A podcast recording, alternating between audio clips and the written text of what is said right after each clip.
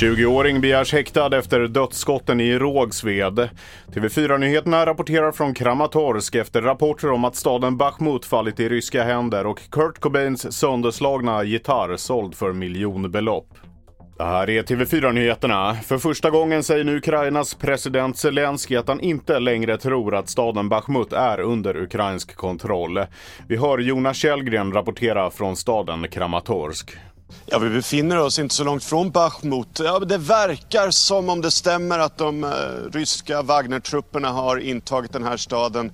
Uh, vad Zelensky sa var lite oklart om han menade att de helt hade dragit sig tillbaka, de ukrainska trupperna, eller han menade att staden praktiskt taget var så förstörd att den inte riktigt finns längre. Uh, meningen där var aningen oklart, men man kan väl säga att när det gäller innerstaden så är det slaget för nuvarande över i alla fall. En man i 20-årsåldern har på söndagen begärts häktad på sannolika skäl misstänkt för mord och tre fall av försök till mord efter skjutningen i Rågsved tidigare i veckan där en man dog och två skott skadades.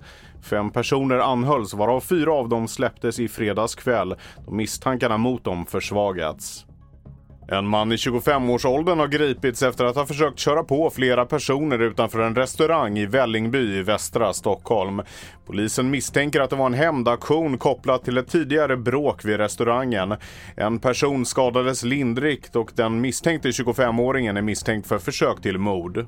En gitarr som tillhör Nirvanas frontfigur Kurt Cobain har sålts på auktion för 6,2 miljoner kronor. Den svarta Fender Stratocasten är signerad av alla tre Nirvana-medlemmar. Den slogs även sönder av grunge-ikonen Cobain på scen.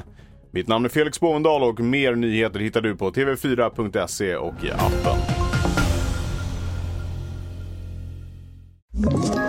Ett poddtips från Podplay. I fallen jag aldrig glömmer djupdyker Hasse Aro i arbetet bakom några av Sveriges mest uppseendeväckande brottsutredningar. Går vi in med hemlig telefonavlyssning och, och då upplever vi att vi får en total förändring av hans beteende. Vad är det som händer nu? Vem är det som läcker? Och så säger han att jag är kriminell, jag har varit kriminell i hela mitt liv men att mörda ett barn, där går min gräns. Nya säsongen av Fallen jag aldrig glömmer på Podplay.